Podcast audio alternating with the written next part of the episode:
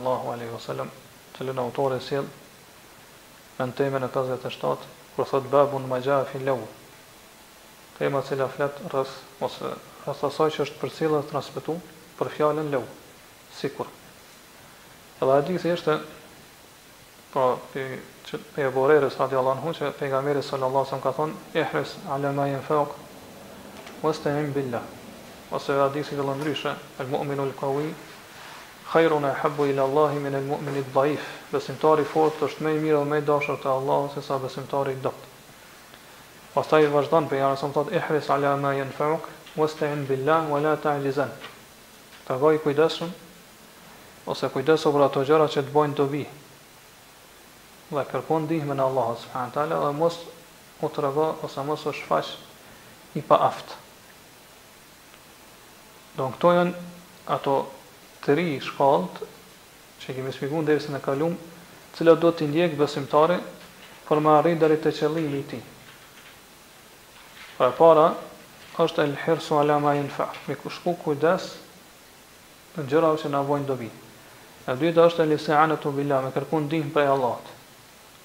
Edhe treta është do thot me ndërmarr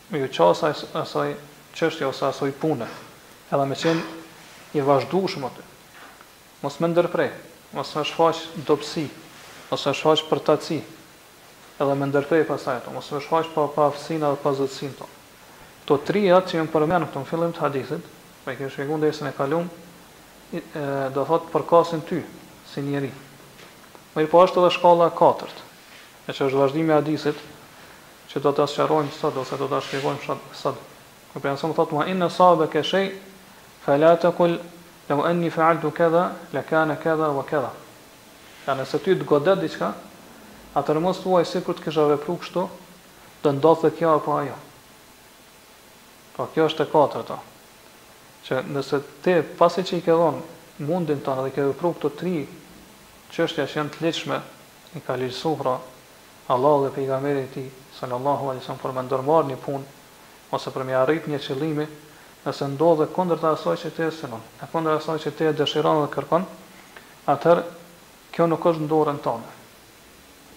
Kjo është në dorën e Allahut subhanahu wa taala, ose është me kaderin e Allahut.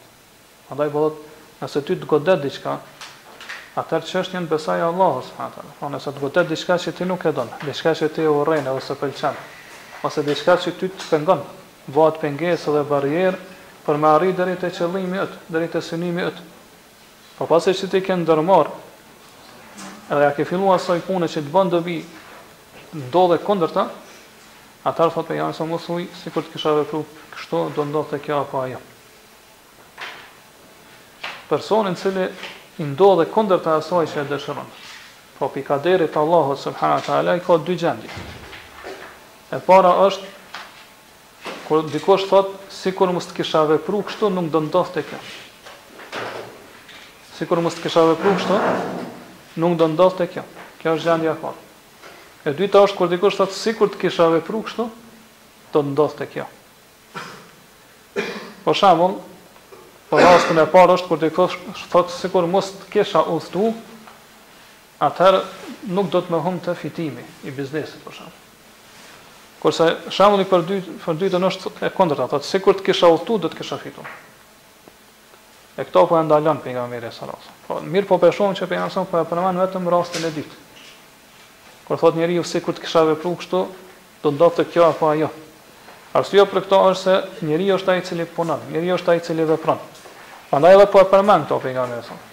Sikur unë të kisha punu, të kisha bërë filon veprën, të kisha ndërmarr filon shkakun, atëherë do do të arrija synimin edhe qëllimin tim.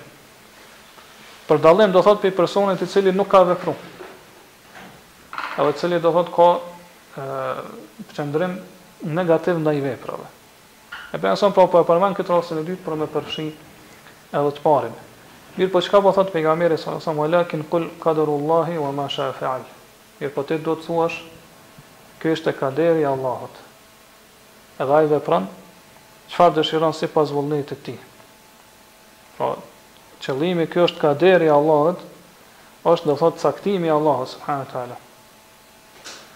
Edhe çështja që të ka ardhur dhe që të ka goditur, ngase fjala kader Aleikum selam. Përdoret në dy kuptime.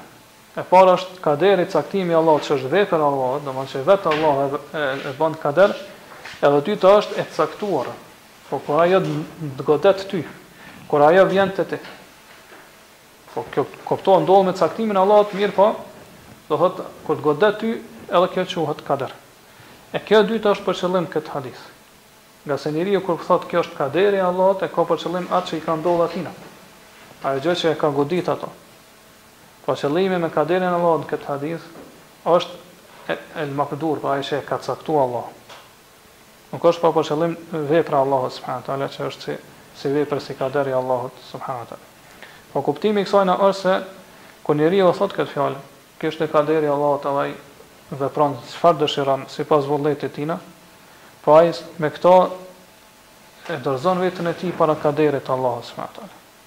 Po dorëzohet plotësisht para kadas dhe kaderit të Allahut subhanahu teala. Por ai sikur kur e thotë këtë fjalë sikur po thotë ajo që ishte mbi mua unë e kryva.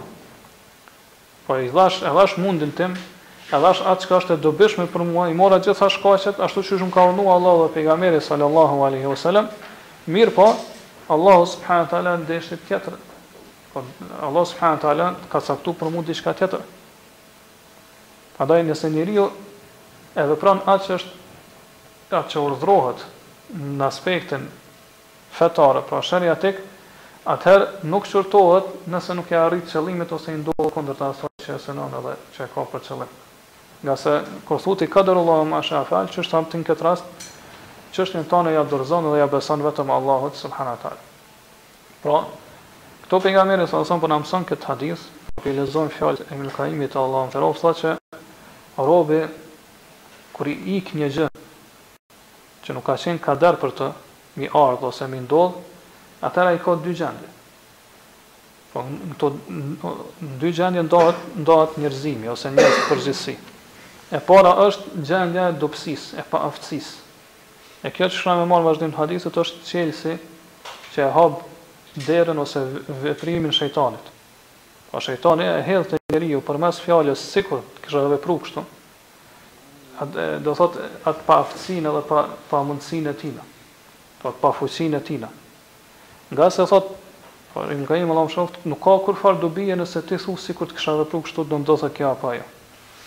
Thjesht me këta ja hap vetes, do thot atë, derën e dëshprimit, pikllimit, do thot depresionit, do thot asaj paknaqësisë,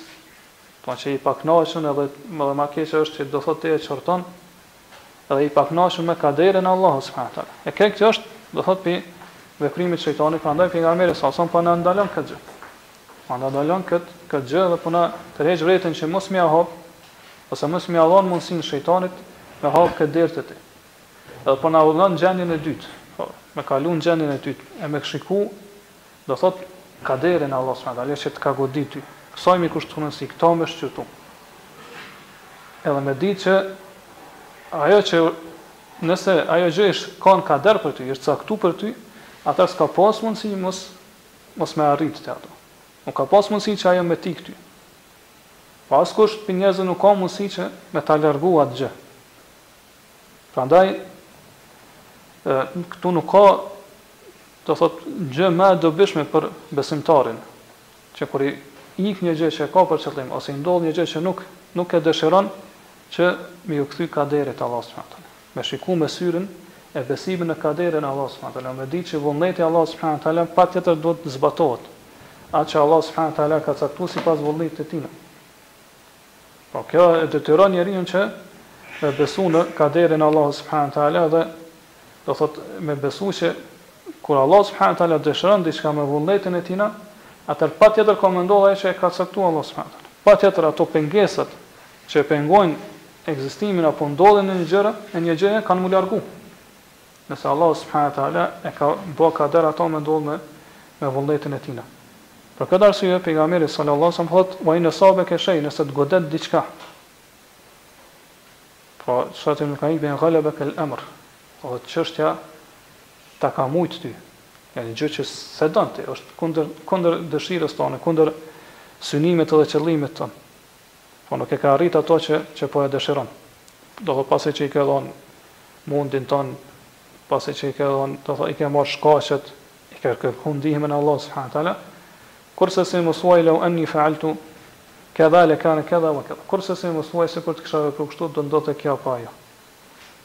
Mirëpo thuaj, walakin kul kaderullahi wa ma shaa fa'al. Kader, ky është kaderi Allahut dhe ai vepron çfarë dëshiron. Pra pejgamberi sa këtu po na mëson edhe po na udhëzon se çfarë me vepru në dy gjendjet. Pra në gjendjet kur arrijmë diçka që që e kemi si synim, që e synojmë edhe që është pra qëllimi jonë edhe diçka që na ik edhe na humb, nuk nuk arrijmë me realizu atë. Po, po thotë kurrsesi këtë mos ia kthe mangësisë tone ose paaftësisë tone.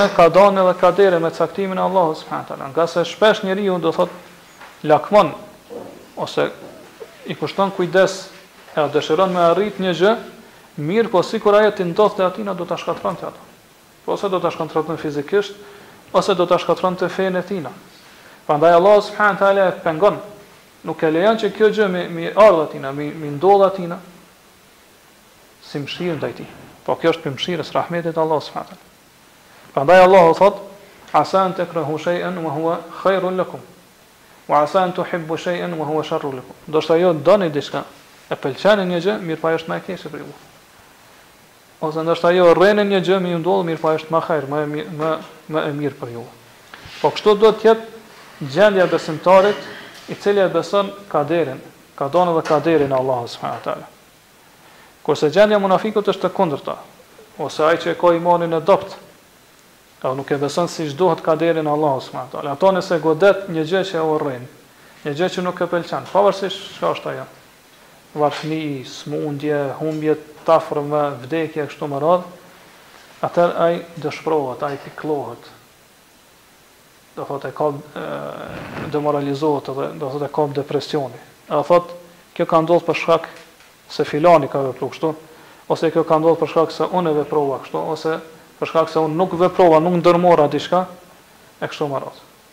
Pra kjo, pra, qysh e pamë është e ndalume, edhe personi që e thotë këtë fjalë, ose është personi që e mohon edhe refuzon, nuk e pranon kaderin e Allahut subhanahu wa taala, pra nuk e beson hiç, ose është person që imani i tij në kaderin e Allahut subhanahu wa taala është shumë i dobët.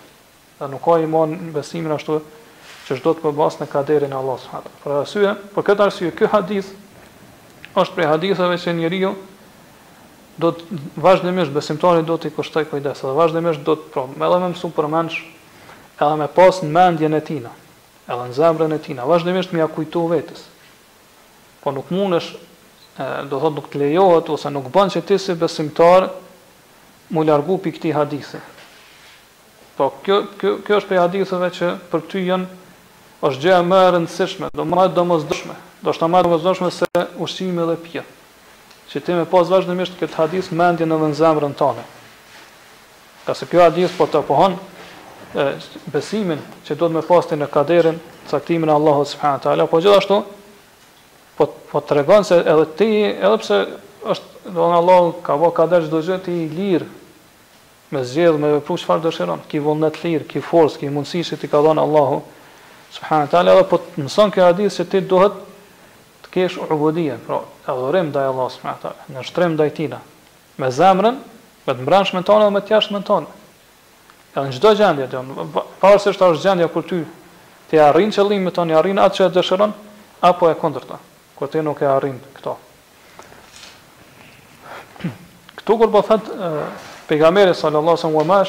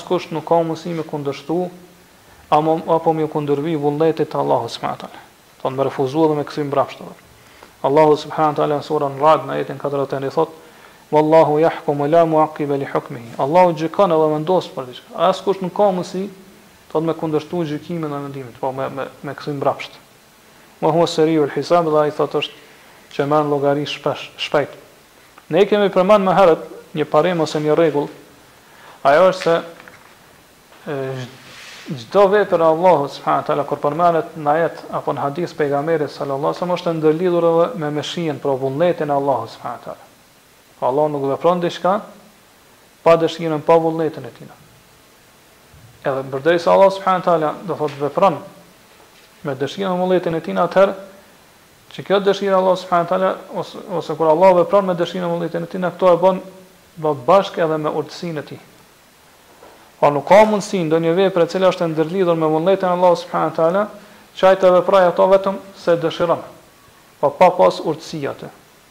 Patjetër kur Allahu subhanahu wa ta'ala vepron diçka, apo ligjëson diçka atë e bën në bazë të urtësisë tina absolute. Prandaj në bazë kësaj na ne e kuptojmë se do thotë kur është vullneti i Allahut subhanahu wa ta'ala, me ndodhë diçka, atëherë patjetër ka me ndodhë ajo. Patjetër ka me ndodhë ajo. Mirëpo, përderisa ajo ndodh, atëherë ndodh për për shkak të një urtësie. Po nuk ndodh diçka kot se kot, domethënë pa kurrfarë qëllimi. Diçka që do thotë Allahu ka caktuar me ndodh me vullnetin e tina.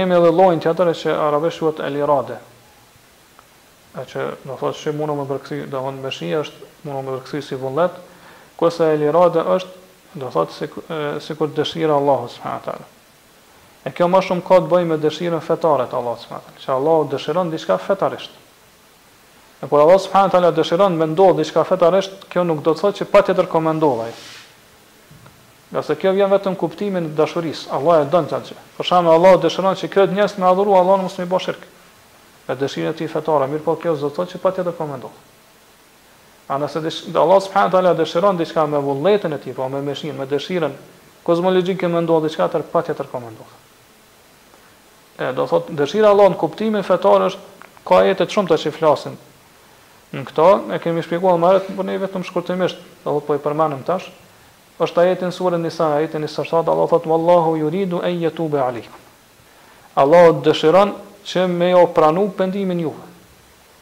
Don Allahu e don këtë gjë. Jo që do thotë e dëshiron me dëshirën universale, ngase sikur do të dëshironte dëshironte Allahu këtë me vullnetin e tij apo dëshirën universale, atëherë Allahu ja kish pranu pendimin krejt njerëzve.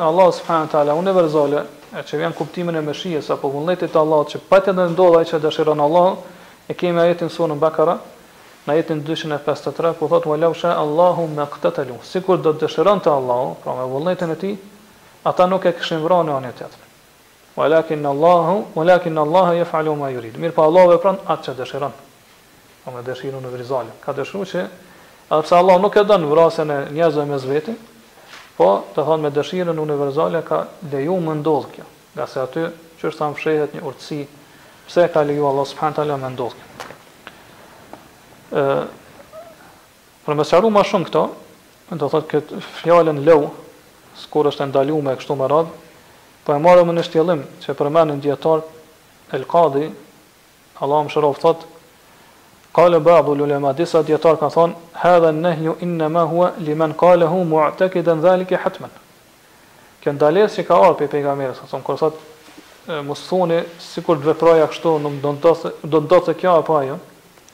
Thot disa dietar kanë thënë se kjo është kjo ndalesë ka ardhur vetëm për atë i cili kur e thotë këtë fjalë edhe beson me zemrën e tij. Pra beson në mënyrë të prerë. Wa annahu law fa'ala dhalika lam yusibhu qat'an. Do thotë beson se sikur të vepronte këtë, nuk kish pas mundësi mi ndodh ajo gjë.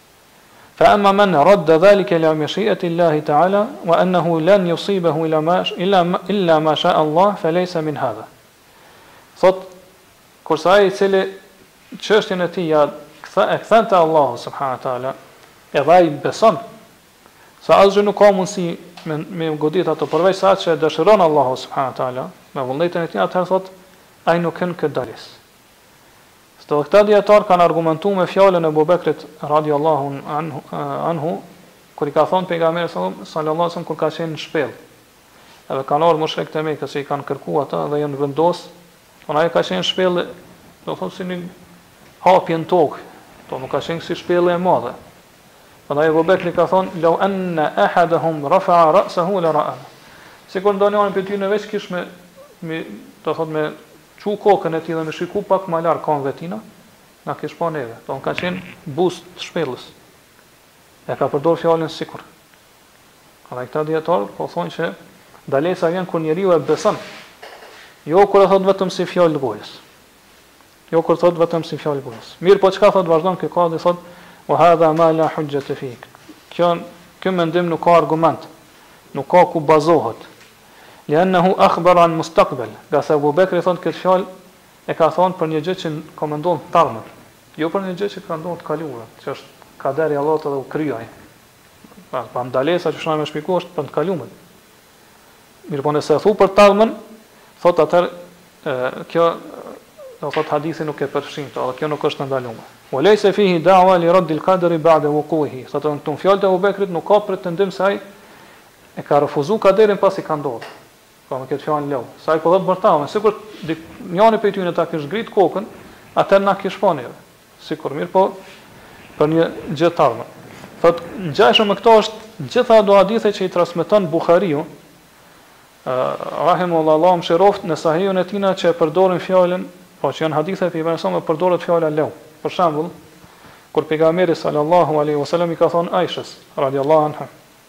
Laula qaumuki hudathau ahdi bil kufr.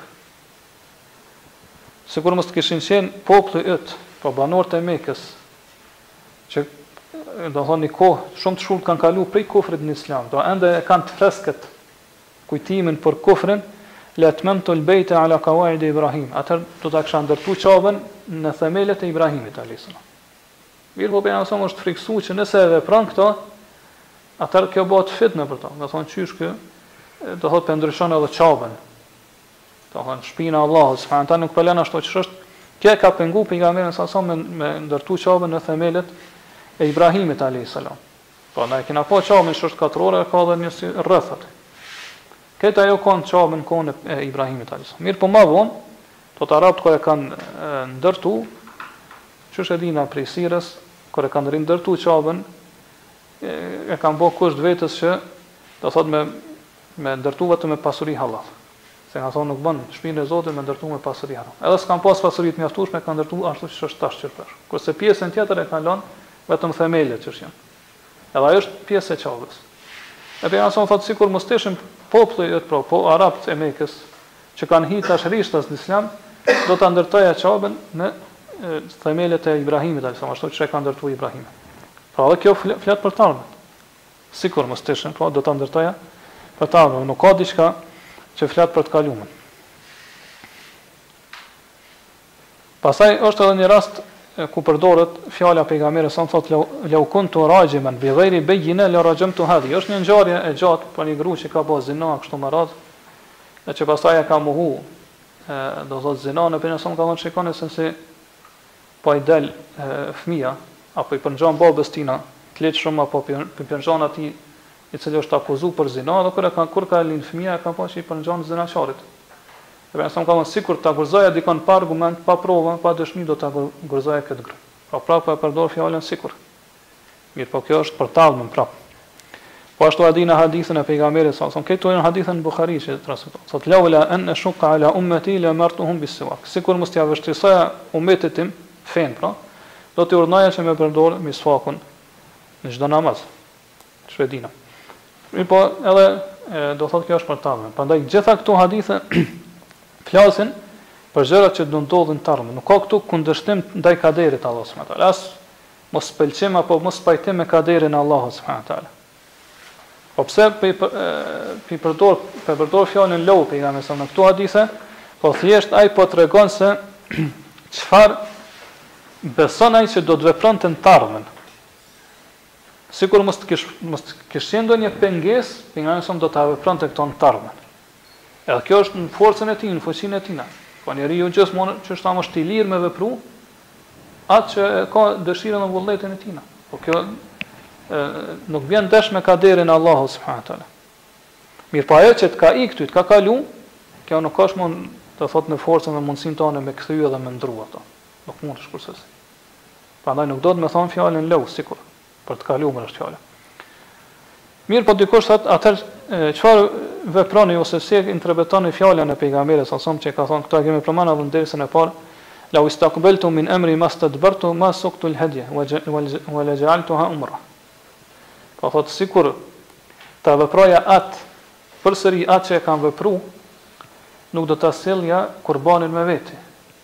Po kjo është një prej llojeve të haxhit, që kurbani duhet të sillet prej me vete, do thotë prej vendit ku udhëton, ku e fillon, edhe, do thotë, ky lloj i haxhit është që umra hyn së bashku me haxh, bëhet me një nijet, edhe me një ihram, kurse umra kur ndahet prej haxhit, edhe që nuk ke nevojë me marrë kurbanin me vete prej vendit ku udhëton, quhet temetu, pra temetu e ndan umren prej haxhit, prandaj edhe pejgamberi sa thotë sikur ta veproja Atë, përsëri atë që e kam vepru, pra sikur ta bëja nijet pra, përsëri atë që e kam bo nijet, atëherë nuk ta nuk do të nuk nuk do ta kisha marr kurbanin me vete dhe do ta kisha bë kët ihram umre. Po pse ka thënë pejgamberi sallallahu alajhi wasallam thotë kjo është e ngjashme me ato që i përmendëm më lart. Pejgamberi sa po flet për të ardhmen, po po na tregon se çfarë do të vepronte në të ardhmen. Nuk po e kundërshton pejgamberi sa atë që ka ndodhur në të kaluarën, S'po thotë sikur të kisha vepruar kështu nuk nuk do të ndodhte ose do ndodhte kjo apo ajo. Mirpo thjesht po i njofton sahabët që sikur të hynte prap në ihram për haxh, atëherë nuk do ta merrte kurbanin me vete edhe nijetin do ta bënte për umre. Jo për, do thotë, haxhin që është i llojit qiran, do thotë që bëhet umra bashkë bashkë me haxh. Mirpo do ta bënte, do thotë, vetëm nijetin për umre. Pra do ta prishte ihramin që është për për haxh dhe do ta vendoste për për umre. Po thjesht, po këto e ka thënë pejgamberi sa si inkurajim. Apo do thotë me zbut atë qëndrimin e sahabëve dhe zemrat e tyre kur e kanë pa ata që pejgamberi sa sa po urdhon që përderisa nuk e keni marr kurbanin me vete, këtë ihram bëne umre. Kështu i ka urdhëruar pejgamberi sa. Mirëpo thotë, unë sikur mos të kisha vepru, ose sikur të kisha vepru edhe një herë ashtu qysh kam vepru, edhe unë kisha vepru njëjtë sikur ju, pra e kisha prish ihramin për haxh dhe e kisha bo umre, po e kom marrë kurbanin me veti, kështu që nuk ka mundësi. Pra, sahabët kur e kanë pa këtë veprim të pejgamberit sallallahu alajhi wasallam, se këto fjalët tina kanë dhënë konfuzion, konfuzion se çfarë me vepru tash. A me vepru edhe ata si pejgamberi sallallahu alajhi wasallam, me vazhdu me kiran apo me prish do thotë ihramin për hajj dhe me lënë vetëm për umra dhe pejgamberi sa ja ka ja ka sqaruar këto. Pra kjo nuk hyn në kët ndalesë, po thjesht pejgamberi sa sa po i tregon se çfarë do të vepronte në të ardhmen sikur të ndodhte prap çfarë kish me vepru pejgamberi sallallahu alajhi wasallam, do thotë këtu nuk ka mospajtime mes dietarëve që kjo është e lejuar. Po kjo nuk ka nuk është nuk ka këtë ndalesë nga se me këto ti nuk e kundërshton kaderin e Allahut subhanahu wa taala, nga se ti thjesht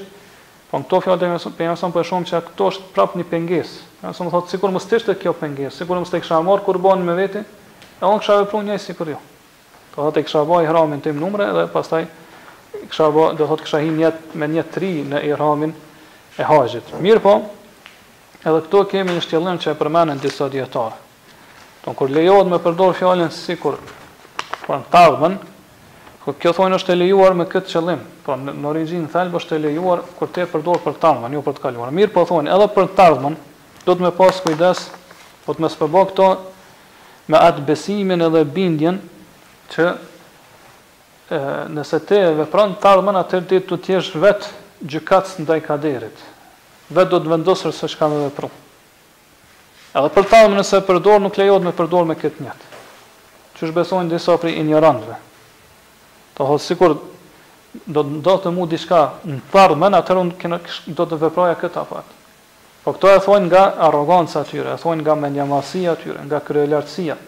Po dëshirojnë me stërmadhu atë veprën, veprimin e tyre dhe forcën, mundësinë e tyre.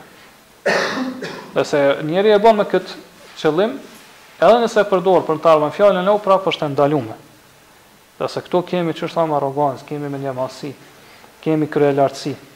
E obligim ndaj për robin është që ai të tregohet i nënshtruar, të tregohet i përulur ndaj ka kaderit, pra kadasë dhe kaderit, caktimit të Allahut subhanahu teala. Po me ditë që ajo që është veç e caktuar për të, do të ajo patjetër do të zbatohet.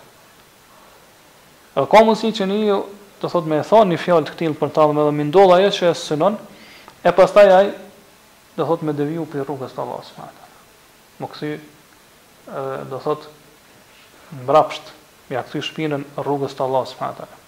E Allahu e përmend këto në Kur'an thotë: "Wa minhum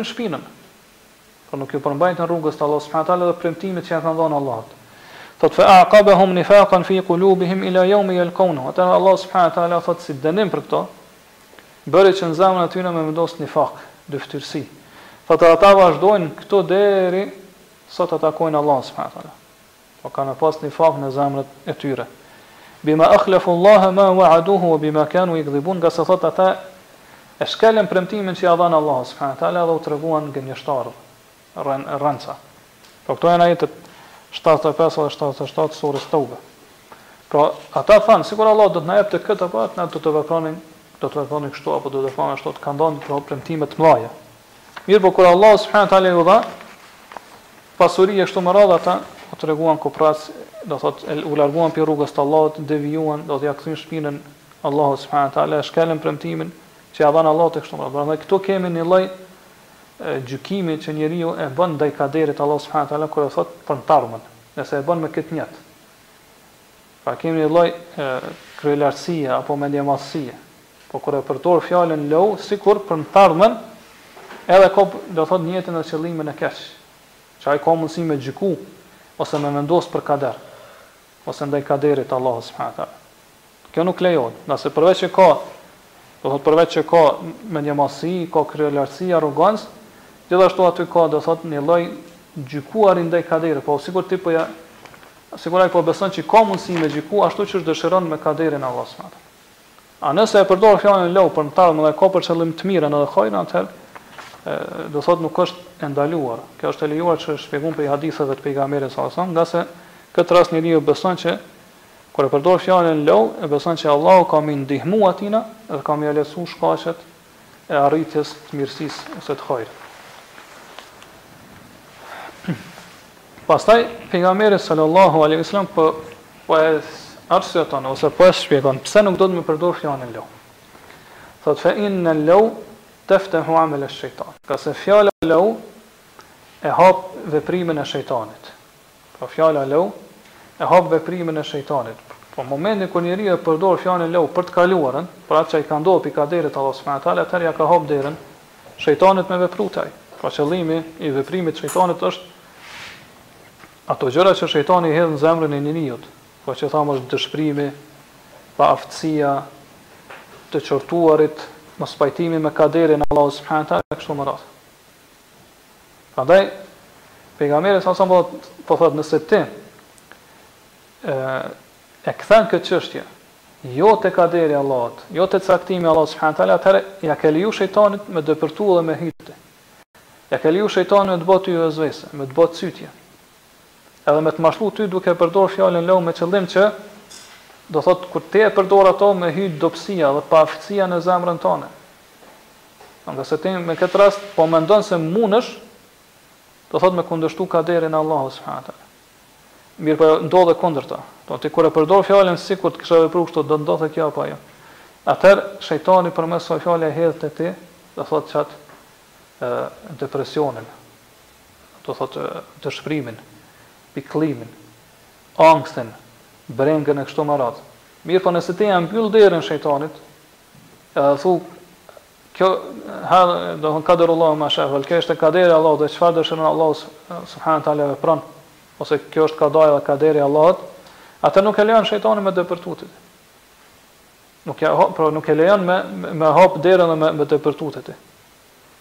Mirpo ja mbyll derën shejtanit edhe je rahat, domethon je i qetë prej sherrit pej të keqes tina. Domethon pej atyne gajleve, brengave, dëshprimeve pikëllimeve që ai edhe vesveseve që ai e hedh te ti. Gjithashtu nuk ki me ndi keqardhje ndaj për shkak t'asoj që të ka ik, për shkak t'asoj që të ka humb. Nuk do ta qortosh apo do nuk do nuk do ta akuzosh kaderin e Allahut subhanahu wa taala. Nga se krejt këto gjëra e kundërshtojnë sabrin, edhe kundërshtojnë do thot besimin në kaderin e Allahut subhanahu wa taala. E kundërshtojnë faktin që ti duhet të jesh i kënaqur me kaderin e Allahut subhanahu wa taala. Pra sabri durimi është obligativ.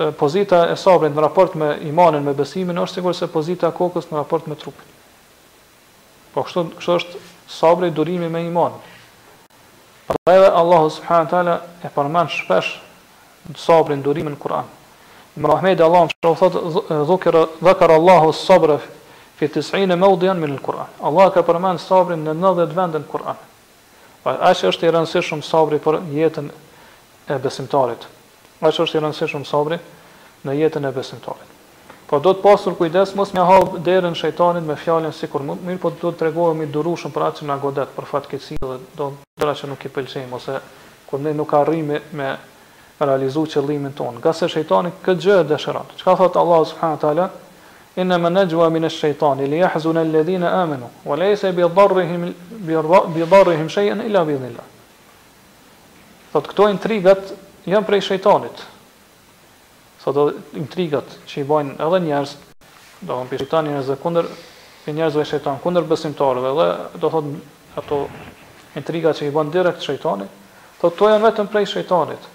Çka është qëllimi thotë ai mundohet që mi pik, mi bë besimtarët mu dëshpru ose mu pikëllu. Mirëpo dijeni se ai nuk ka mundësi me ju dëmtu juve për aq aq sa ja lejon Allahu subhanahu wa taala. Asgjë më shumë. Nuk mundet shejtani me dëmtu vetëm aq sa ia lejon Allahu subhanahu wa taala. Pra ajeti në surën Mujadile ajeti i dhjetë. Na e dimë që madje edhe në ëndrr vjen shejtani dhe do thotë i sjell njeriut ëndrra të frikshme. Po qëllimin e ka që mja njollos atë pastërtinë shpirtërore.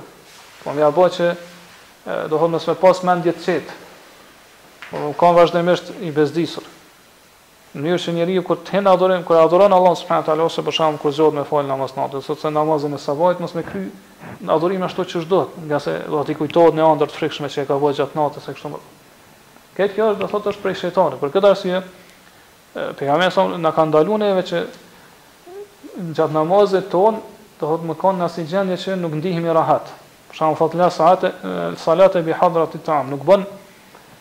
Me hangër ushqimin kur do me me fal namazin kur ushqimi është prezent. Po që ti mi pas mend pasaj te ushqimi. Po ashtu ka thënë wala wa huwa yudafi'u yudafi'uhu al-akhbathan. As nuk duhet kur njeriu do thotë është në zor me dal për njërën prej dy nevojave. Për këtë arsye shejtani e din këtë, e vjen do thotë sjell do thotë vesvese, cytje ose ëndrra të frikshme që ty me do thotë me të bezdisë ose me ta përzi ose me të ta trubullu mendjen që kur të hin në namaz ose në adhurim mos me kry atë formën ose mënyrën qysh do të. Prandaj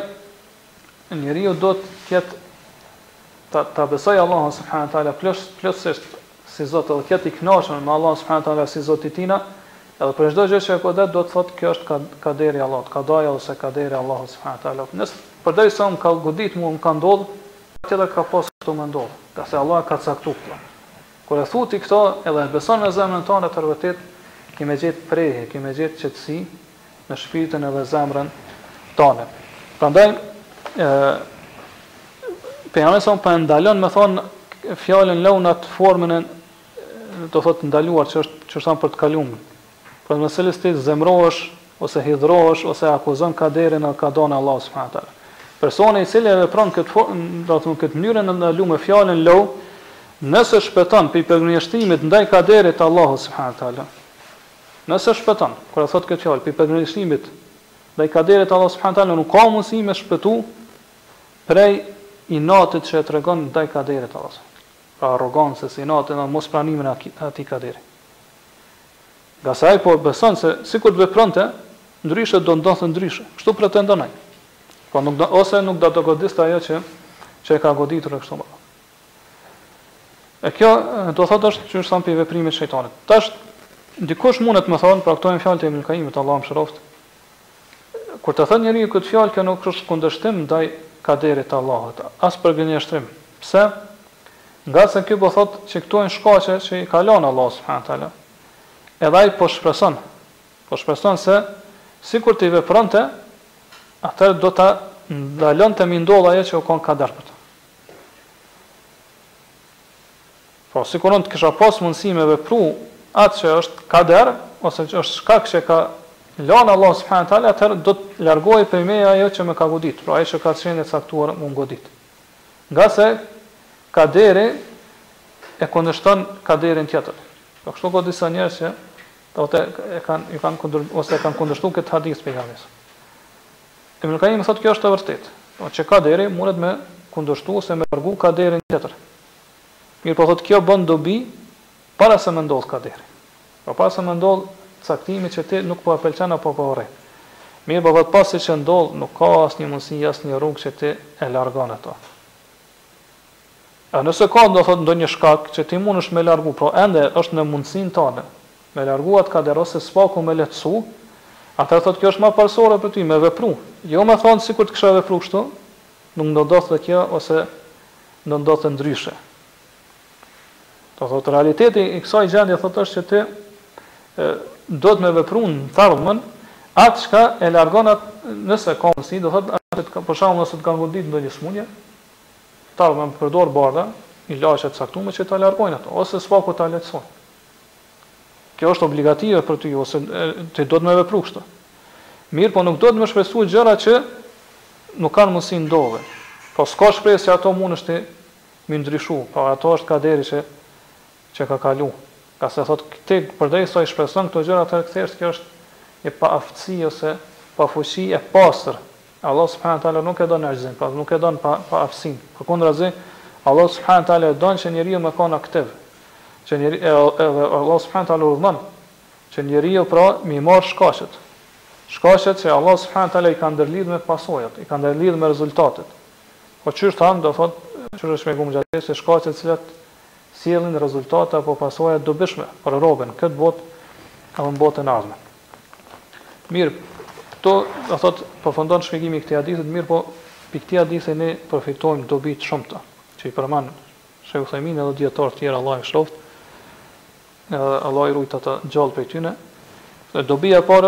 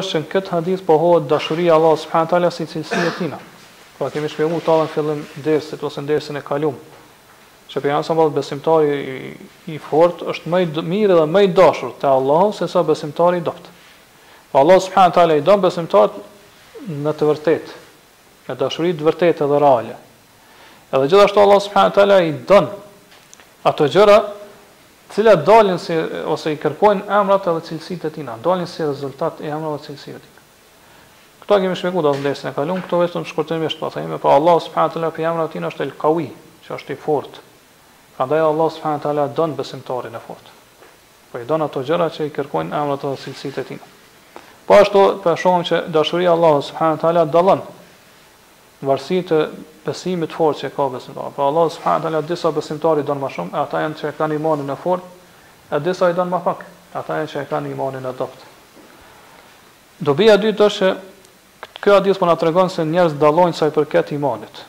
Pra disa e kanë imanin më të fortë, disa e kanë imanin më të dobët. Dobia e tretë është se imani edhe shtohet edhe pakësohet. Ngase kur po thotë që besimtari është i fortë, kjo tregon që imani i tij shtohet. Kurse besimtari është i dobët, siç po përmendet n'këtë hadith, atëherë imani i tij pakësohet edhe mangësohet. Dhe kjo është do thotë mendimi i saktë në cilin e kanë shumica e dijetarëve të ehlu sunetit. Kurse disa prej dijetarëve të ehlu sunetit thonë që imani shtohet mirëpo nuk mangësohet. Shtohet mirëpo nuk mangësohet. Pse nuk mangësohet ose nuk pakësohet? Ngase thotë mangësimi i imanit s'u përmend n'Kur'an. S'u përmend n'Kur'an.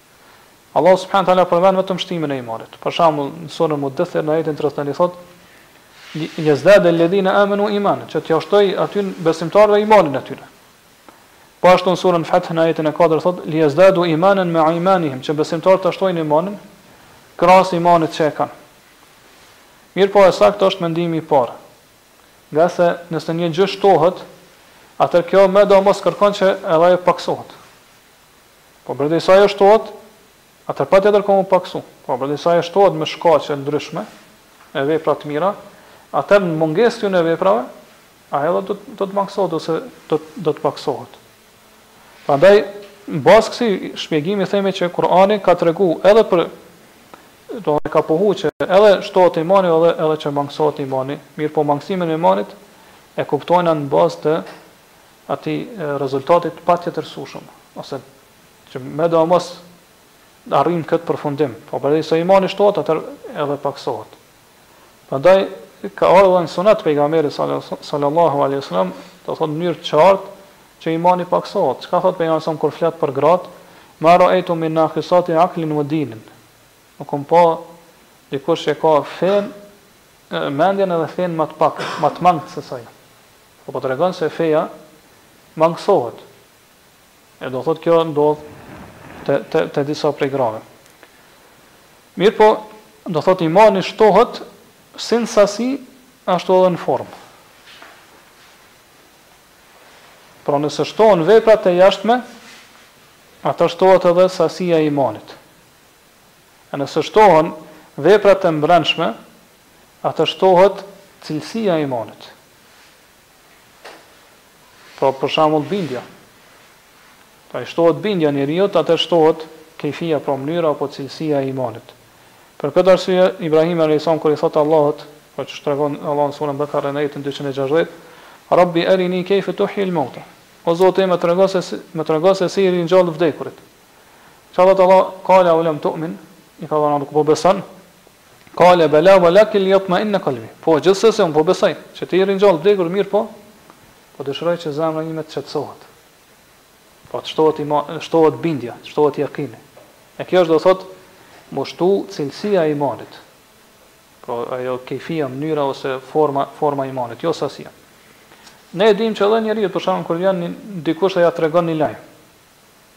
Ky e ka një lloj bindje ose besimi rreth atij lajmi. Mirëpo kur vjen tjetri dhe ia tregon të njëjtin lajm, prapë i shtohet do thotë bindja e tij. Pastaj vjen i treti, i katërti, atëherë shtohet, domethënë ajo cilësia e e besimit të tij, pra bindja e tij shtohet. Për këtë arsye dijetarët thonë hadithi që është mutevatir, pra që është përhap edhe është transmetuar nëpër të gjitha gjeneratat me shumicë, Po prej shumë transmetuesve, patjetër njeriu ti jep el ilm el jakini, dijen bindëse. Por nuk ka mundësi, do thotë, mos mos me arrit një një dije e cila e bind atë rreth asaj që po tregon ai hadith. Prandaj kjo tregon se edhe sa i përket tasdikut, pra besimit, dallon në zemrat e njerëzve. Dallon në zemrat e njerëzve. Po dikush ka besim, bindje më të madhe, dikush e ka bindjen më të vogël.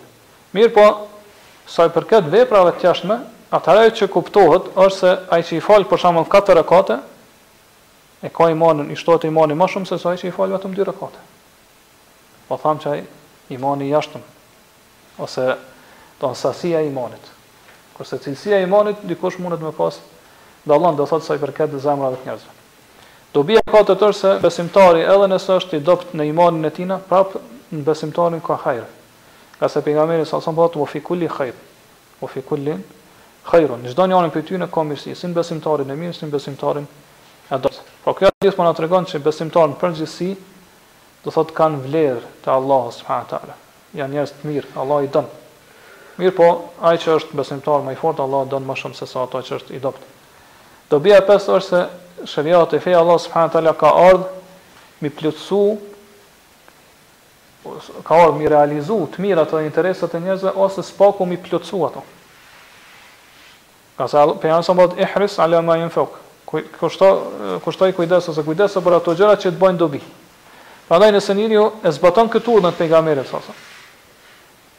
atëherë kjo llogaritet adhurim për të, edhe nëse kjo gjëja që është e dobishme ka të bëjë me çështje të dunjas. E sa i kushton rëndësi gjërave që i bëjnë dobi në dunjanë e tina, në jetën e kësaj bote, me qëllim që me zbatu urdhrin e Pejgamberit sallallahu alaihi wasallam, atëherë kjo i shndërrohet atina në adhurim, për të cilin do të shpërblehet te Allahu subhanahu wa taala. Njëkohësisht, prej këtyre fjalëve të Pejgamberit sallallahu alaihi wasallam, po e kuptojna që është e ndaluar që njeriu me qenë neglizhent, Me kon me kon i përtac, i mos interesum, edhe mos mi marr shkaqet. Po po na nxit pejgamberi që duhet mi marr shkaqet cilat na sjellin neve dobi. E dobia e gjashtë është se nuk duhet që besimtari i cili është i mençur do thot me vepru gjëra që nuk janë dobishme për ta. Pejgamberi po thot, kujdesu për ato gjëra që të bëjnë dobi. Nëse je i mençur, mos i vepro ato gjëra që nuk ke kurrfarë dobie prej tyne, këtë botë ose në botën tjetër. E dobia e shtatë është që njeriu do ta ushtrojë, do të besimtari, do ta mësojë veten me sabër, me durim. Po do të jetë i durueshëm dhe vazhdimisht ta ushtrojë shpirtin e tij me kanë i durueshëm gjatë sprovave, gjatë fatkeqësive, gjatë gjërave që nuk i pëlqejnë. Prandaj pejgamberi sa më thotë: "Wala ta'jizan", mos u trego i paaftë, Mos e shfaq paaftësinë edhe do thotë atë pamundësinë tonde. Mirëpo, do thotë të jesh i vendosur, të jesh i durueshëm edhe mi marrë siç thamë shkaqet e dobishme. Mirëpo njëkohësisht pejgamberi sa po na ndalon që nuk dohet mu mbështet në shkaqe. E ki obligim mi marr shkaqet, mirëpo jo mu mbështet në shkaqe. Prandaj po thotë wastain billah. kërko ndihmë prej Allahut subhanahu wa taala. Nëse Allahu don, të bajnë dobi këto shkaqe, nëse Allahu nuk don, nuk ke mundësi me me arrit rezultat apo dobi prej këtyre shkaqeve. Dobia e tretë është që në ato gjëra që njeriu nuk ka mundësi mi vepru, i lejohet me argumentu me argu, me, me kader.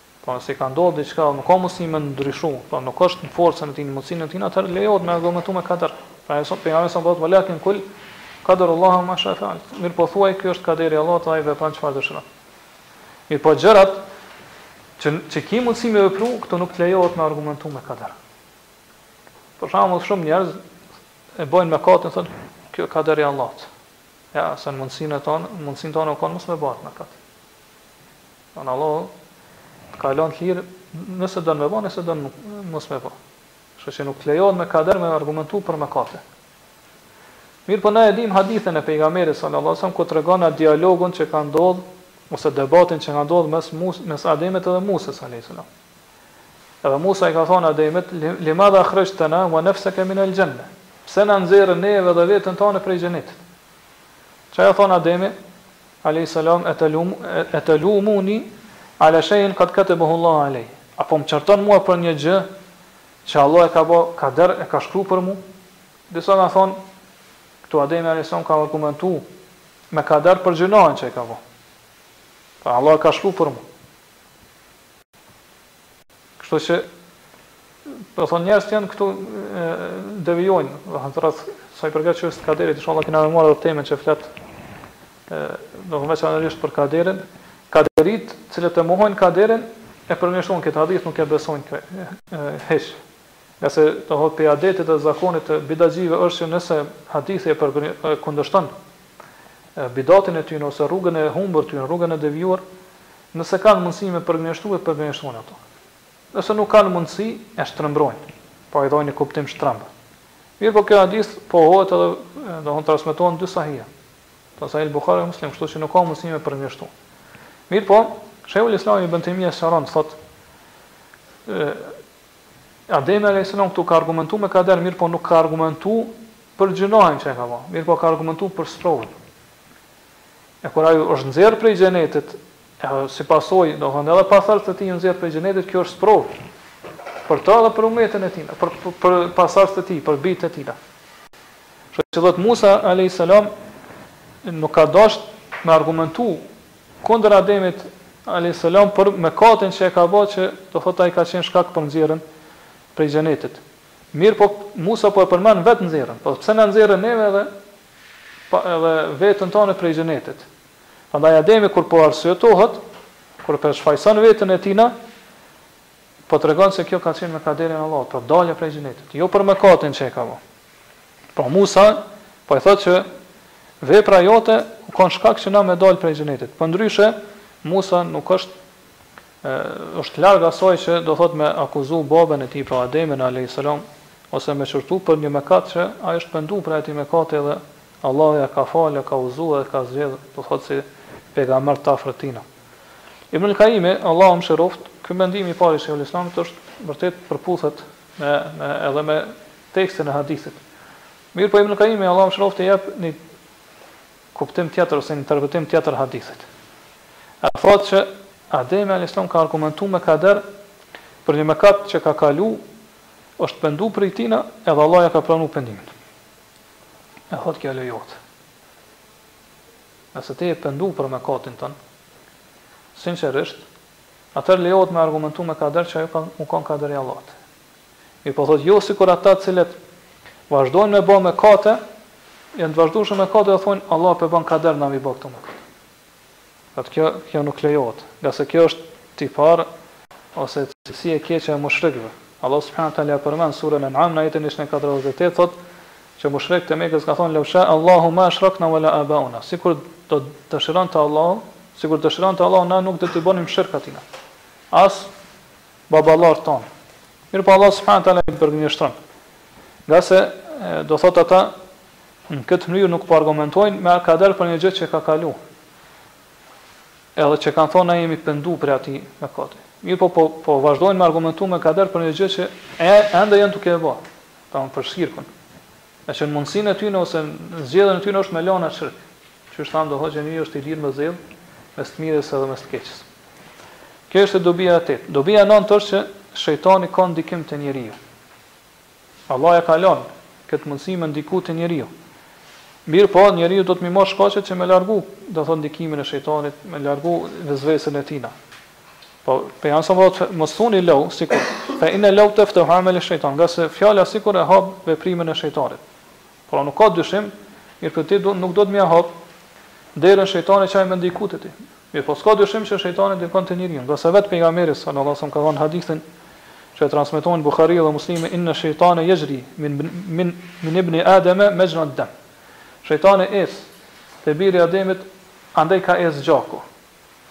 Nga ec gjaku, andaj ec edhe shejtani. Disa dijetarë kanë thënë që ajo që ec te njeriu janë vesvese, çytje të shejtanit që shejtani i hedh në zemrën e tij, e pastaj ato përmes venave, përmes damarëve, përmes gjakut ecin nëpër trupin e tij. Çytjet shejtani i hedh në zemër, e përmes zemrës, domthonë shpërndahen nëpër trupin e njeriut. Disa dijetarë kanë thënë që jo, domthon kuptimi fjalë për fjalëshëm i hadithit është që shejtani, vetë shejtani domthon ecë nëpër venat ose nëpër damarët e njeriut, andej ka ecë gjaku. Edhe kjo nuk është shumë e çuditshme apo shumë e lartë për fuqinë e Allahut subhanahu teala, nga se na e dimë që edhe shpirti i njeriut është i vendosur, do thotë në trupin e njeriut edhe ai është trup, po vetë shpirti është trup, që e ka kriju Allahu subhanahu teala.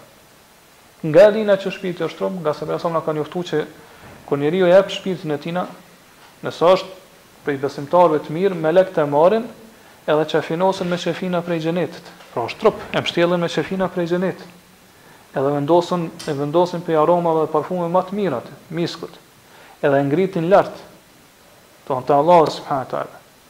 Edhe kalon do thotë, do të thonë nëpër grupe ndryshme të melekëve, qysh vazhdon hadithi i gjatë që është.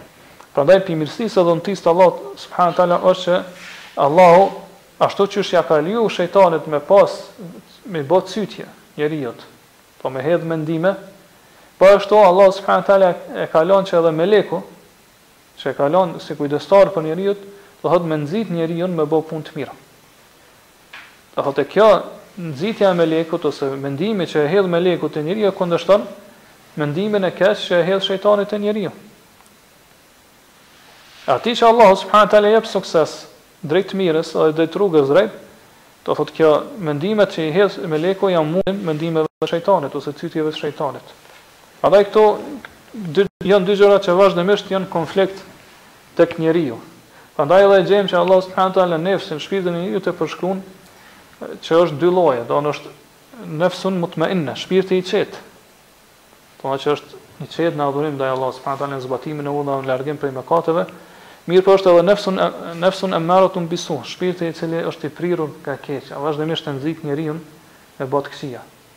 Në një ajet tjetër Allah e përshkruan shpirtin që thotë thot është nefs el lawame, shpirti qortus.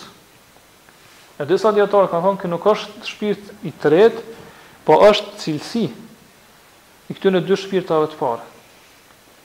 Po njeriu sikur shpirti i mirë e ka, që është i qetë, që e qorton, pse nuk po bën punë të mira?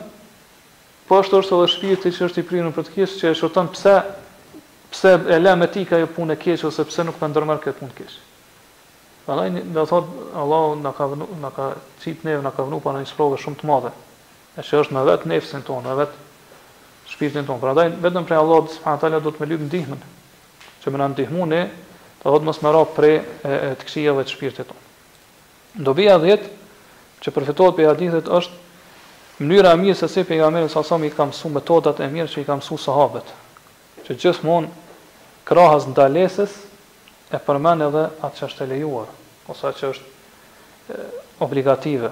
Pra këtu po e ndalon me thonë fjalën lou, edhe po ja sqaron arsyen, shkakun pse është e ndalume, po sa mirë çka po ja mëson sahab pejgamberi sa sahabët shokët e tina, pra me ja sqaru, pra me kuptu ai qartë se cila është urtësia e fesë, pse e ndalon fjalën lou, ngase kjo e hap derën shejtanit, pra dhe kur njeriu e din urtësinë e një ndalese kjo do të thotë ja shton edhe më shumë imanin, ja shton edhe më shumë bindjen edhe ja do thotë ja shton edhe më shumë atë dëshirën për me zbatu ato në praktikë.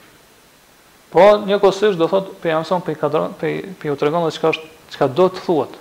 Mirë po thuni, Kaderullahi ue ma shae feal, kaderi Allahut edhe ai vepron çfarë dëshiron. Pastaj në fund temës siç e dimë, autori sjell edhe çështjet që përfitohen prej temës, thot fihi mesail këtë temë përfitohen disa çështje, thot el ula tefsirul ajetejni fe ali imran, shpjegohen edhe interpretohen dy ajete në surën Ali Imran. Kjo ka qenë dersi i parë.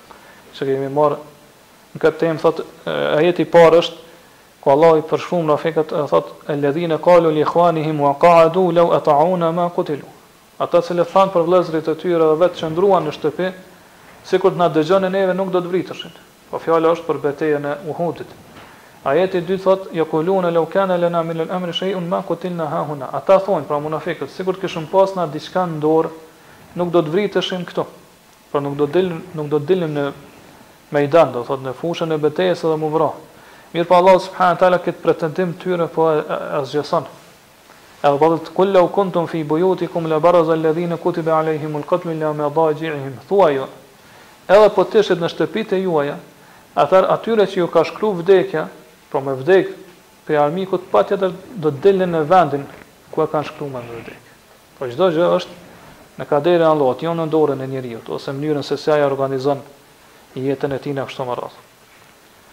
Kurse për kjo ishte pra për përgjigja ose kundërpërgjigja e Allahut për ajetin e parë. Kundërpërgjigja e Allahut për ajetin e dytë është ku thot fadra'u an anfusikum al-maut in kuntum sadiqin. Nëse ju po pretendoni se ë është ashtu siç po thoni atëherë largoni pe vetes juaj vdekjen nëse e thoni të vërtetën.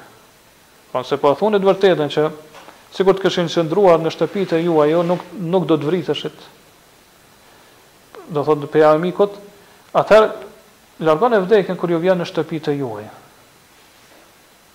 do thotë nuk ka mundësi që njeriu me largu vdekjen ose me shpetu prej vdekjes patjetër ka me vdek ai kështu që nuk është arsye qysh e kemi shpjegu gjatë dersit tonë a del njeriu do thotë në fushë të betejës apo rri në shtëpi që ia garanton jetën apo vdekjen. Po ka raste që ata që dalin në fushë të betejës kthehen, do thotë pa asnjë lëndim.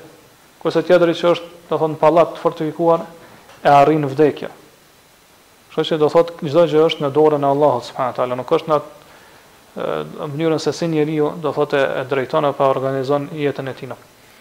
Eth-thaniyatu, thotë e dyta, çështja en-nahyu s-sarihu an qawli law idha asabaka shay, thotë ka ndalesë të qartë prej Pejgamberit sa selam që kur të godet diçka, pra që nuk të pëlqen, e urren mos me përdorë fjalën sikur. Kështu po e ndalon Pejgamberi sa selam. Po nuk bën me thonë sikur, sikur të veproja ashtu, do të ndodhte kështu apo ashtu. Po e ndalon pejgamberi siç e pamë prej hadithit. Mirëpo çka, kur të vijnë fatkeqësitë, kur vijnë të këqijat, thuaj që krejt këto janë kader, me kaderin e Allahut subhanahu wa taala.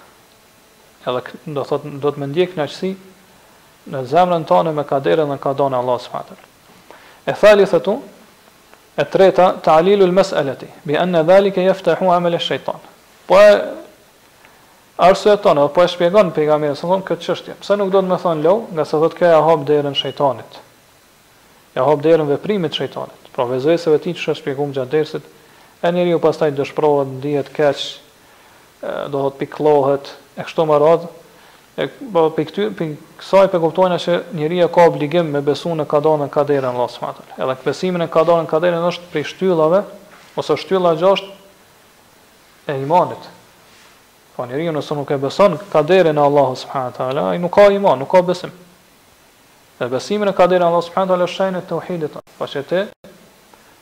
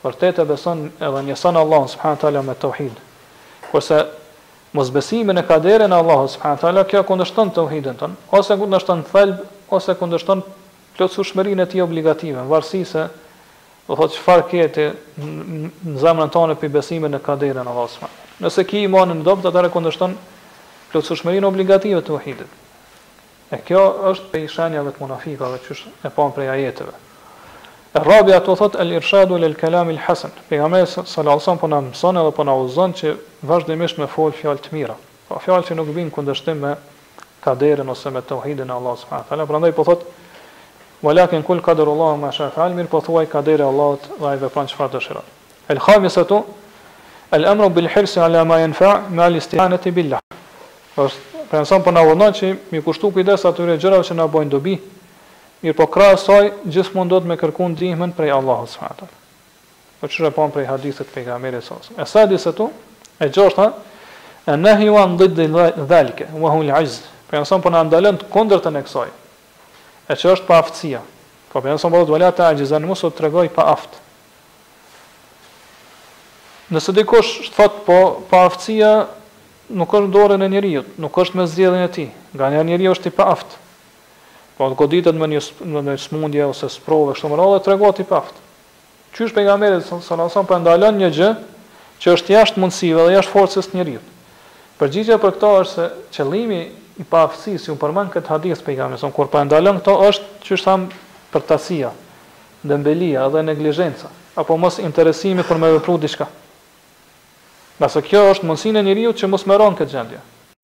Pra, nuk është qëllimi që ti, do thotë, me kundërshtu paaftësinë që të godet ty fizikisht, mirëpo me kundërshtu atë paaftësinë tënde për me vepru diçka, do thotë, atë dembelinë edhe përtasinë tënde, mos m'u tregu, do thotë, përtac, mos m'u tregu i painteresuar e kështu me radhë. Edhe këtu përfundon kjo temë, e në radhë është tema tjetër ku autori, Allahu e mëshiroftë, thotë, Babun en-nehyu an-sebbi-rrih, tema e cila flet se është e ndaluar, Ta fyejmë apo ta shojmë erën? Për to inshallah flasim në dersin e ardhshëm Allahu alem, wa sallallahu ala nebina Muhammad wa ala.